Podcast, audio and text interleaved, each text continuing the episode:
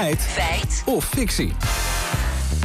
Met vandaag uh, een uitspraak van uh, minister Jassilgus. Ja, in de uitzending van uh, WNL op zondag was de VVD-minister van Justitie te gast. En daar sprak ze over investeringen in defensie. En ze zei toen dit. Um, wat je nu ziet, en dat is, daar ben ik dan blij om als VVD'er. Hè?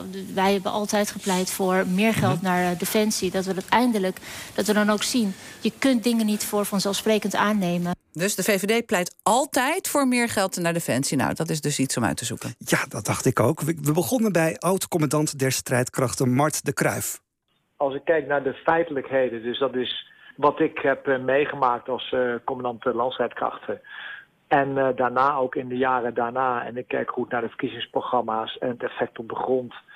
Uh, dan is maar de vraag wat je met meer geld uh, aan defensie, wat je ermee bedoelt. In elk geval is defensie er in capaciteiten en kwaliteiten niet op vooruitgaan de afgelopen tien jaar. Integendeel. Dus feitelijk is er uh, helemaal geen vooruitgang. Maar ja, pleiten, hè? dat, dat ja. kun je misschien ook checken? Ja, nou goed. Oké, okay, dat weet onze politiek verslaggever Remco Teulings. Hij volgt Defensie op de voet.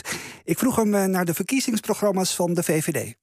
Het is inderdaad zo dat de VVD sinds jaar en dag pro-defensie is. Uh, dus in vrijwel alle verkiezingsprogramma's staat dat defensie een belangrijk onderwerp is. Dat daar voldoende geld heen moet en dat erin geïnvesteerd moet worden. Maar ja, of dat altijd wordt waargemaakt, dat is een tweede. Als je kijkt naar uh, de investeringen in defensie... dan zie je dat die de laatste paar jaar weer toenemen. Maar vanaf de jaren 90 tot een paar jaar geleden... is er keihard bezuinigd op uh, defensie.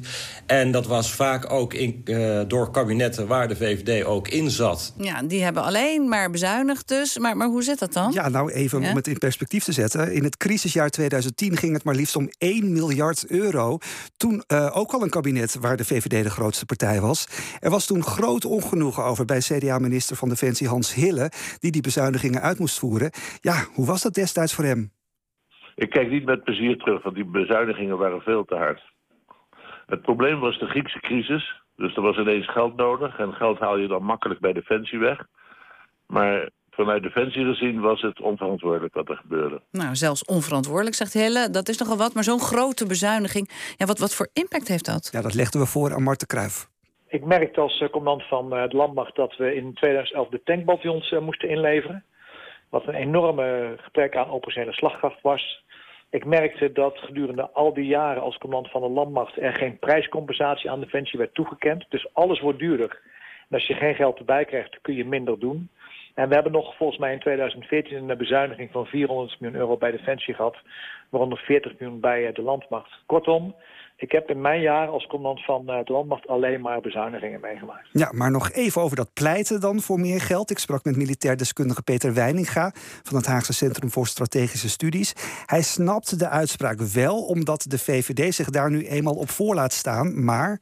Er werd sterk bezuinigd in een tijd dat er heel veel um, aan uitzendingen werd gedaan in het buitenland. En daardoor is er al die jaren um, roofbouw gepleegd op Defensie. En dat heeft Defensie eigenlijk gewoon uitgekleed en uitgeput. Nou, ergens voor pleiten, dat blijkt wel, is dus geen garantie om iets voor elkaar te krijgen. Nee. Uh, Integendeel dus hier en daar. Komen we tot een conclusie?